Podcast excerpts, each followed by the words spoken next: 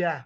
Puji Tuhan, salam sejahtera dalam kasih Tuhan Yesus Kristus. Selamat kita berbakti dan memuji, memuliakan nama Tuhan. Puji Tuhan, hari ini kita bersyukur kepada Tuhan sebab Tuhan baik dalam hidup saudara dan saya. Kita boleh ada memuji dan memuliakan nama Tuhan.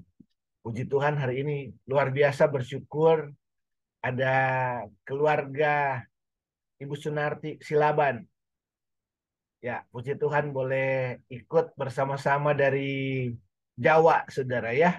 Lagi mudik, puji Tuhan. Tuhan Yesus memberkati kita semua. Puji Tuhan, kebenaran firman Tuhan pada sore hari ini, saudara-saudara, eh, topik firman Tuhan pada hari ini di dalam Roma pasal yang ke-13. Firman Tuhan ini saya eh, bawakan di ibadah ibadah di gereja dua kali saudara. Tetapi hari ini saya hanya akan uh, kita satu kali saja kita akan lihat hal-hal yang yang Tuhan ingin saudara dan saya lihat. Firman Tuhan ini adalah tentang ya uh, temanya atau tema besarnya ini menyangkut tentang eskatologi atau tentang akhir zaman. Tentang zaman di mana atau waktu-waktu menjelang kedatangan Tuhan. Jadi bicara tentang akhir zaman. Nah, di dalam Roma pasal yang ke-13, Roma pasal yang ke-13 ayat 11 sampai dengan ayat 14. Roma pasal 13 ayat 11 sampai dengan ayat 14. Di sana firman Tuhan katakan, hal ini harus kamu lakukan karena kamu mengetahui keadaan waktu sekarang, yaitu bahwa saatnya telah tiba bagi kamu untuk bangun dari tidur. Sebab sekarang keselamatan sudah lebih dekat bagi kita daripada waktu kita menjadi percaya. Ayat 12 dikatakan, hari sudah jauh malam, telah hampir siang. Ini, saudara-saudara, firman Tuhan ini ya minggu yang lalu saya jelaskan kepada jemaat Tuhan di gereja bahwa ini menunjuk kepada waktu-waktu menjelang kedatangan Tuhan. Ketika firman Tuhan katakan di sini bahwa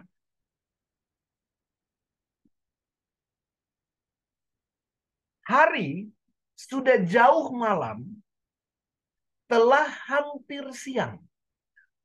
Hari sudah jauh malam, telah hampir siang.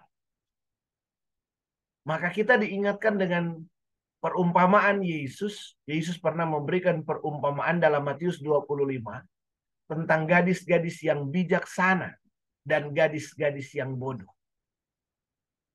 Yang mempersiapkan segala sesuatu menjelang kedatangan mempelai. Mereka sedang menunggu.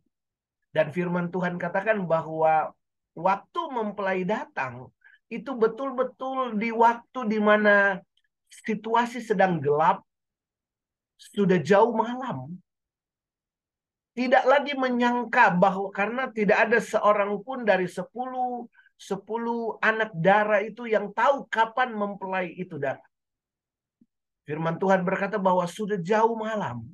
Men, men, uh, tiba-tiba mempelai itu datang. Dan kemudian ada suara berkata, mempelai tiba. Song-songlah dia. Nah, saudara-saudara, ini firman Tuhan katakan Roma pasal 13 ini, hari sudah jauh malam. Telah hampir siang. Nah, kata hari sudah jauh malam telah hampir siang, itu gak, eh, mudah untuk saudara dan saya pahami, karena sudah dimulai dengan ayat 11. Dikatakan bahwa kamu mengetahui keadaan waktu sekarang bahwa saatnya telah tiba bagi kamu untuk bangun dari tidur. Sebab sekarang keselamatan sudah lebih dekat bagi kita daripada waktu kita menjadi percaya. Jadi kebenaran firman Tuhan yang pertama. Ini sudah mendekati kedatangan Tuhan. Yang pertama minggu yang lalu saya bagikan kepada jemaat Tuhan. Bangun. Bangunlah. Ini. Sudah saatnya untuk bangun dari tidur. Sudah saatnya untuk bangun dari tidur. Jadi ada kalau kita melihat di sini ini tentu bukan menunjuk kepada bangun biasanya karena tidur biasanya. Bukan menunjuk kepada uh, aktivitas aktivitas rutinitas kita sehari-hari. Bukan itu arti dari ayat ini. Minggu yang lalu saya bawa jemaat Tuhan kepada Yeskiel pasal 37. Bagaimana orang Israel yang tertidur secara rohani. Bahkan mati secara rohani. Di sana Yeskiel, Yeskiel pasal 37 di sana. Ayat 11 dan ayat 12 kalau kita lihat di sana. Yeskiel pasal 37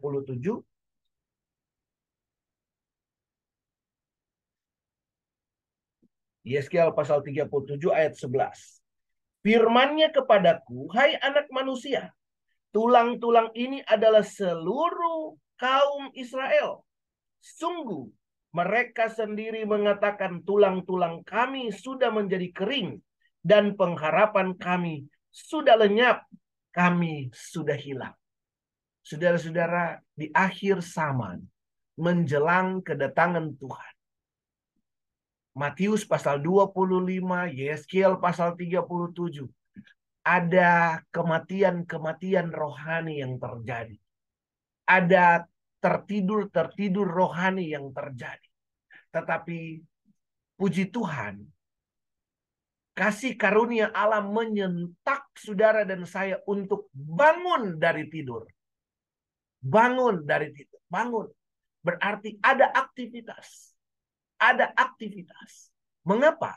Karena tidak lama lagi Tuhan akan datang. Kalau ber, e, berbicara tentang kedatangan Tuhan, sering kali kita kalau melihat dari uh, apa kitab Wahyu misalnya dikatakan, kitab Wahyu menyinggung tentang kedatangan antikristus, kedatangan antikristus dengan angka 666 dicap di dahi dan dicap di uh, di lengan. Dulu tidak terbayang seperti apa itu nubuatan, tapi luar biasa nubuatan itu. Tetapi sekarang sudah bisa mulai terbayang tentang teknologi yang berkembang saat ini. Teknologi digital. Zaman sekarang mau akses kalau kita taruh uang di bank kita bisa akses pakai apa? Misalnya kartu ATM. Kita punya kartu ATM. Tapi sekarang kartu ATM bukan lagi sebagai kartu, tetapi nanti tubuh kita akan di, uh, ya kalau teknologi sekarang ya sudah mulai sudah ada. Bagaimana ada chip yang ditanamkan di tangan, di di dahi. Jadi orang tidak perlu membawa kartu lagi. Yang yang luar biasa sekarang saudara teknologi digital sekarang ada namanya AI artificial intelligence artificial in, uh, artificial intelligence atau kecerdasan buatan. Kecerdasan buatan. Nah, kita ingat bahwa firman Tuhan katakan bahwa di akhir zaman kedatangan eh, antikristus akan menyatakan diri, firman Tuhan katakan bahwa dia, antikristus ini, akan menyesatkan bangsa-bangsa, menyesatkan banyak orang. Nah ini kita akan lihat bahwa kita betul-betul ada di zaman-zaman terakhir, di waktu-waktu yang terakhir. Menjelang kedatangan Tuhan dan menjelang antikristus akan dinyatakan. Jadi saudara-saudara, ada salah satu kecerdasan buatan yang dibuat sekarang itu adalah kecerdasan buatan di bidang medis. Di bidang medis, di bidang kesehatan. Perusahaan pengembang AI itu sekarang eh, perusahaannya namanya Elon Musk. Mungkin kalau saudara eh, pernah dengar itu Elon Musk, ya perusahaan luar biasa besar. Sekarang dia dia apa mereka membuat apa namanya untuk ke bulan gitu ya ke mana ke keluar angkasa gitu ya itu uh, Elon Musk. Dia yang bikin mobil listrik. Perusahaan mobil listrik. Kemarin kalau nggak salah katanya datang ke Indonesia. Perusahaan Elon Musk ini uh, bulan lalu saya membaca artikel. Mereka membuat yang namanya uh, alat medis. Dulu pertama kali alat medis yang keluar untuk mendeteksi bagian tubuh, kita tahu persis ada yang namanya ronsen. Sinar menggunakan sinar ronsen, sinar X-ray. Jadi orang yang difoto dengan sinar ronsen itu bisa kehila, bisa kelihatan tulang-tulangnya. Oh, ada tulang yang patah dan sebagainya. Tentu saudara sudah pernah melihat ya eh, apa negatif filmnya, filmnya itu kelihatan seperti itu. Kelihatan tulang. Kalau ada tulang patah, enggak patah kelihatan di sini. Baru sesudah ronsen keluar eh, alat yang lebih canggih, namanya MRI, magnetic resonance apa gitu, I itu. Jadi MRI ini ya Ibu Gembala Jonggol pernah kaki masuk ke MRI sampai otot-otot apa uh, urat-urat bisa kelihatan itu MRI. Ya, bisa kelihatan. Kalau ronsen itu hanya tulang. Tapi kalau MRI bisa kelihatan itu uh, apa urat dan sebagainya ya. Saya ingat saya meng, apa kami menghantar apa namanya uh, Ibu Gembala Jonggol ya untuk berobat ke mitra keluarga waktu itu. Jadi masuk ke tabung ya. Itu masuk ke tabung. Jadi bisa lihat, oh ini urat-uratnya, oh kelihatan saudara ya. Udah canggih itu MRI. Tetapi sekarang Elon Musk, itu perusahaan Elon Musk, saya baca itu beritanya. Mereka sudah membuat satu mesin menggunakan kecerdasan artifisial itu. Artificial inter apa artificial in, uh, intelligence atau AI sekarang. Itu bisa ketika orang masuk ke situ 15 menit maka dari ujung rambut sampai ujung kaki langsung akan terbaca semua apa yang ada di organ tubuh kita. Mulai dari yang penyakit kita, bahkan yang potensi menghasilkan penyakit, belum penyakit, baru potensi menghasilkan penyakit, baru segala sesuatu sel-sel darah, apa semuanya, organ-organ dan sebagainya, itu akan terbaca dengan jelas. Dan itu sudah sudah apa e, mereka sudah berhasil menciptakan itu. Mungkin apa masih masih dalam pengembangan atau penggandaan dan sebagainya. Tapi para ahli sudah menemukan itu. Nah, kenapa ketika saya membaca berita itu saya ingat dengan uh, kitab Wahyu menjelaskan tentang antikristus. Firman Tuhan berkata bahwa saat, uh, di akhir di zaman antikristus, antikris akan melakukan mujizat, mujizat dan tanda-tanda. Banyak orang akan disembuhkan. Dulu saya berpikir begini sudah. Oh, memang sempat ada ke, uh, kepikiran ketika membaca kitab Wahyu. Kan kalau mujizat dan tanda-tanda heran itu adalah pekerjaan Roh Kudus, pekerjaan Tuhan. Kalau antikristus melakukan mujizat, apakah pakai pekerjaan Tuhan, pakai pekerjaan, apakah dia punya kuasa yang seperti Tuhan dan sebagainya. Tapi ternyata dengan perkembangan digital sekarang ini saya lihat, mungkin termasuk eh, apa yang diciptakan oleh perusahaannya Elon Musk ini adalah bentuk fasilitas yang akan dipergunakan pada masa antikris. Kita ingat bahwa negara kita sudah menentukan bahwa ibu kota negara itu di Kalimantan. Kalimantan apa? Kaltim. Di Penajam. penajam pasir utara. Nah, saudara-saudara yang kekasih dalam Tuhan, di penajam itu ibu kota belum pindah, tapi sekarang sedang membangun fasilitas-fasilitas yang ada di sana. Ibu kota belum pindah. Begitupun dengan antikris. Antikris belum dinyatakan, tapi fasilitas-fasilitasnya sudah mulai dibangun. Dan saya melihat jangan-jangan salah satunya adalah artificial intelligence itu. Dan luar biasanya Alkitab sudah mencatat begitu detail. Hanya kita memang perlu waktu untuk menemukan bahwa oh iya benar, ternyata yang dimaksud ini, yang dimaksud dengan firman Allah ini dan semuanya sedang dinyatakan. Dan dengan demikian, maka saudara dan saya boleh memahami bahwa memang kita ada di waktu-waktu yang terakhir. Nah, di waktu-waktu yang terakhir, firman Tuhan mencatat ada yang tidur secara rohani, ada yang mati secara rohani. Israel, Yeskiel 37 adalah gambaran dari kematian rohani. Tetapi ada sentakan roh kudus, ada kuasa Allah yang membangunkan, yang membangkitkan anak-anak Tuhan untuk bangun dari tidur secara rohani. Apakah kesadaran kita karena selama ini mungkin belum sadar bahwa sekarang sudah akhir zaman. Oh, belum sadar bahwa kita harus dekat dengan Tuhan. Tapi saya bersyukur bahwa semua kita yang ada di sini kita sudah percaya kepada Tuhan. Kita sadar akan Tuhan. Kita mau dekat dengan Tuhan. Jadi saudara dan saya sudah bangun dari tidur. Tetapi firman Tuhan mencatat di sini ada begitu banyak orang yang masih tidur secara rohani, yang masih mati secara rohani. Dan firman Tuhan katakan di sini, sudah saatnya engkau bangun dari tidur. Sudah saatnya engkau bangkit dari kematian itu, kematian rohani tentu. Itu yang pertama.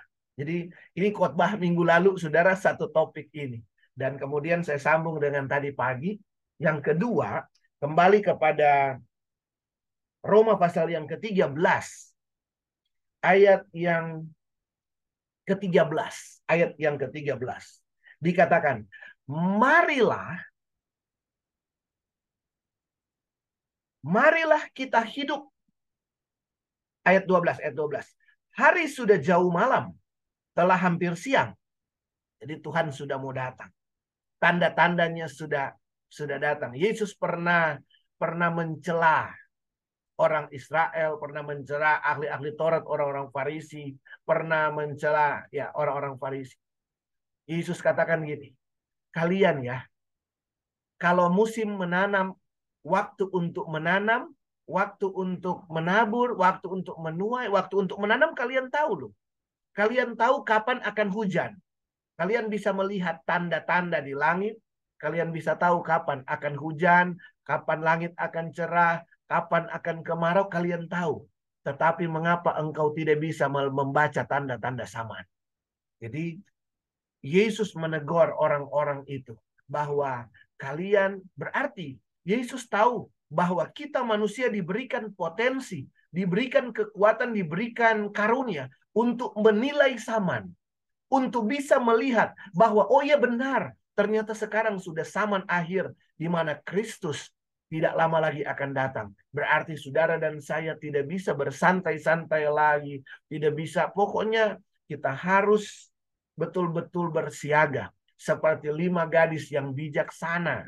Matius 25. Yang waspada. Bersiap sedia. Sehingga ketika mempelai itu tiba. Mereka dalam keadaan siap saudara-saudara. Ayat yang ke-12 dikatakan, hari sudah jauh malam, telah hampir siang. Sebab itu, marilah kita menanggalkan perbuatan-perbuatan kegelapan. Jadi ada yang harus ditanggalkan. Menanggalkan perbuatan-perbuatan kegelapan. Apa itu perbuatan kegelapan? Ayat 13. Dikatakan, marilah kita hidup dengan sopan seperti pada siang hari, Jangan dengan pesta pora dan kemabukan. Pesta bisa untuk memuliakan Tuhan bersa sebagai bentuk kesaksian kita bahwa saudara dan saya diberkati oleh Tuhan. Tetapi yang ditentang oleh firman Allah itu pesta pora. Pesta pora. Ini sebetulnya merujuk kepada pestanya orang Romawi. Orang Romawi ada salah satu saudara ya. Uh, saya tidak siapkan ayatnya itu, tapi tentu saudara pasti tahu ayat itu. Ketika firman Tuhan katakan bahwa uh, apa kerajaan Allah bukan soal makanan atau minuman. Itu sebetulnya karena uh, melihat tentang pesta orang Romawi. Pesta orang Romawi itu berbeda dengan pesta kita. Ketika orang-orang Romawi, pejabat-pejabat, dan itu memang di kalangan istana. Kalangan istana yang disorot betul oleh firman Allah. Karena apa uh, firman Allah yang kita punya ini adalah firman Allah yang ditulis pada zaman kekaisaran Romawi. Jadi waktu orang Romawi ini bikin pesta, bikin pesta di istana. Misalnya kaisar, kaisar bikin pesta di istana. Orang-orang itu biasanya akan melakukan pesta selama tujuh hari. Biasanya selama tujuh hari. Apa yang mereka lakukan? Selama di pesta itu, hal utama ada banyak ada banyak hal yang mereka lakukan. Hal utama yang mereka lakukan pertama adalah makan dan minum. Apa perbedaan kalau kita masih jauh dengan mereka? Apa eh, makanan dan minumannya? Mereka makan biasa, tapi melimpah kan? Biasa kalau kalau cerita apa di di film-film juga ada itu. Dari apa eh, mejanya meja panjang ada meja panjang 20 meter, meja panjang satu kilo kayaknya gitu ya. Mungkin kalau orang kalau di orang Manado saudara kalau kalau meni, apa menikah kayak gitu tuh meja tuh satu kilo tuh meja dari ujung ke ujung nih. Nah, saudara sama deh. Orang Batak juga ada yang punya meja panjang. Mungkin mereka lebih panjang bisa dua kilo itu meja kalau kalau apa kalau eh, dihampar untuk untuk eh, pesta ya. Nah, orang Romawi juga begitu penuh dia meja itu. Dan saudara tahu yang mereka suka lakukan. Ini saya membaca eh, sejarah Romawi itu. Mereka ketika mereka makan, mereka makan sudah. Makan sampai kenyang. Kita kan kalau makan sampai kenyang, selesai makan kan berhenti. Ngobrol. Dan sebagainya. Orang Romawi ada terkenal dengan hidup untuk makan. Itu benar itu orang Romawi. Jadi selesai mereka makan, apa yang mereka lakukan? Karena makanan banyak. Di istana itu, mereka ada punya kolam. Ada kolam khusus. Di mana ketika mereka selesai makan, selesai minum dan dan full itu uh, perut mereka full penuh sudah tidak bisa lagi untuk makan minum bersukaria mereka akan datang ke tempat itu dan mereka akan dengan melakukan dengan berbagai cara untuk memuntahkan kembali makanan yang mereka makan. Apa tujuannya? Supaya perut mereka kosong kembali. Dan selesai mereka memuntahkan semua apa yang mereka makan. Mereka akan kembali ke meja makan. Untuk kembali berpesta bersama-sama dengan temannya. Saudara, itu Romawi sampai seperti itu. Nah, itu salah satu makanya ditentang oleh kebenaran firman Allah. Nah, ini dikatakan pesta pora ya. Kita pesta kita sekali lagi pesta itu eh, penting untuk kita bersaksi bahwa saudara dan saya dalam pemeliharaan Tuhan ya.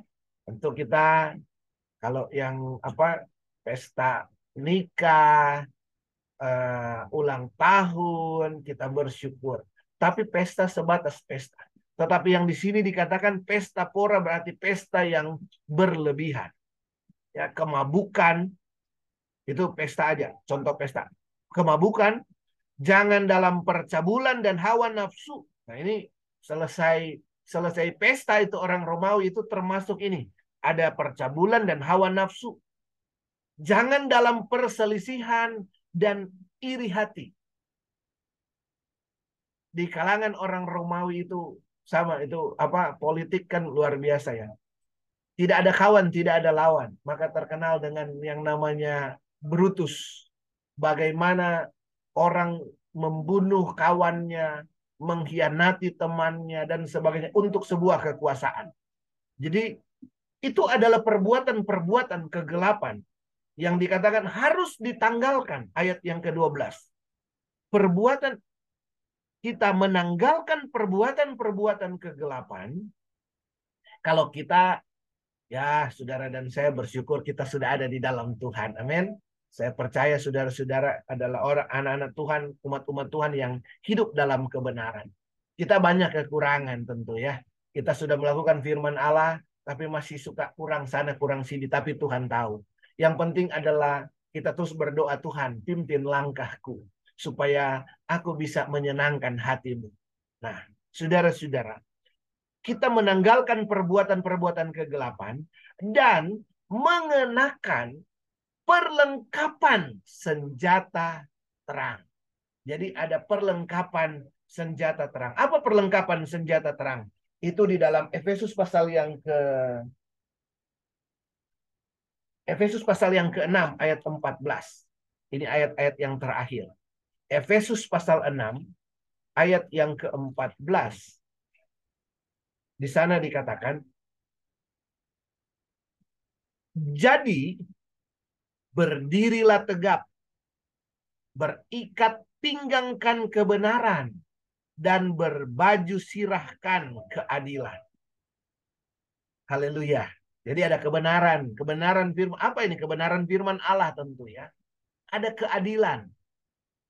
Jadi orang yang hidup dalam kebenaran itu memperjuangkan keadilan. Keadilan itu sama rata. Di Indonesia tuh keadilan itu luar biasa mau menuntut keadilan bayar berapa? Ya. Disediakan pengadilan negeri, pengadilan tinggi, pengadilan apa lagi? Mahkamah Agung, Mahkamah Konstitusi, pengadilan tata urusan negara, pengadilan arbitrase, apalagi kalau kita peng, Mahkamah Konstitusi dan sebagainya. Apa yang kita keadilan mana yang kita mau cari? Tapi masalahnya bayar. Kenapa? Ya harus bayar pengacaranya. Ongkos operasionalnya. Pengacara belum bersih, belum belum berjuang dia sudah minta. Mana dulu uang bensin? Nah, uang bensinnya mana dulu? Sudah harus bayar. Masalahnya kita mau mencari keadilan. Memang di dunia ini keadilan itu mahal, sudah. Keadilan itu mahal. Tapi anak Tuhan, firman Tuhan katakan, harus berikat pinggankan kebenaran dan berbaju sirahkan keadilan. Kalau keadilan itu saudara dan saya harus mengupayakan, maka kita yang harus mengupayakan itu. Kakimu berkasutkan kerelaan untuk memberitakan Injil damai sejahtera. Haleluya. Di mana pun kita berada, kita menjadi saksi Kristus. Ya, mau ada di Jawa sekarang lagi lagi liburan di Jawa, tentu harus jadi saksi Kristus di sana. Haleluya. Pokoknya kaki kita harus berkasutkan kerelaan untuk memberitakan Injil damai sejahtera.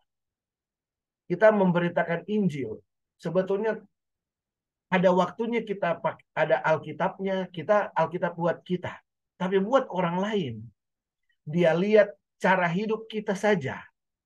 Orang-orang di luar sana sudah tahu berperbedaan kita. Kok uh, bapak itu, ibu itu, kok uh, pemuda remaja itu kok beda ya? Apa ya yang membuat mereka berbeda? Belum tahu dia bahwa saudara dan saya hidup dalam kebenaran. Dan firman Tuhan katakan bahwa kita adalah surat-surat yang terbuka. Alkitab yang terbuka yang bisa dibaca orang. Lewat apa? Lewat karakter kita. Lewat apa yang saudara dan saya lakukan. Ya. Jadi membuat orang lain diberkati Tuhan dalam segala keadaan, pergunakanlah perisai iman. Perisai iman, sudah. Jadi kita harus ada perisai iman. Ini sudah jam 6.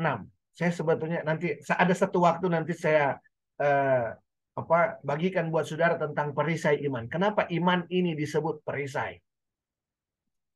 Atau eh, sedikit saja. Jadi kembali kepada kekaisar eh, tentara Romawi, ketika Paulus melihat tentang ima tentang perisai, karena kitab Efesus adalah empat, satu dari empat surat kiriman penjara. Efesus, Filipi, Kolose, dan Filemon. Ditulis oleh Rasul Paulus ketika dia ada dalam penjara bawah tanah Roma. Dan ketika itu Paulus biasa ya namanya di penjara dia melihat tentara. Tentara itu tentara Roma itu punya perisai dua jenis. Uh, punya perisai satu. Itu beda dengan perisai perisai Kapten Amerika. Saudara pernah nonton film Kapten Amerika bulat. Gitu ya.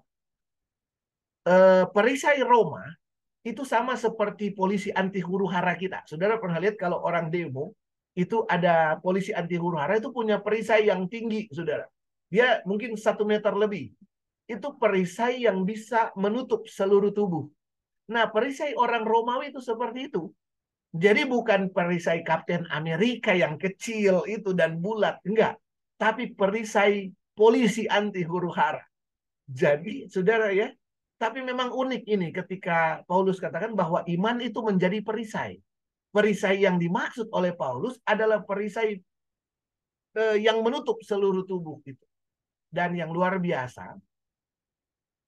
Dan ini dikembangkan sampai sekarang polisi anti huru hara ini juga pakai jurusnya tentara Romawi.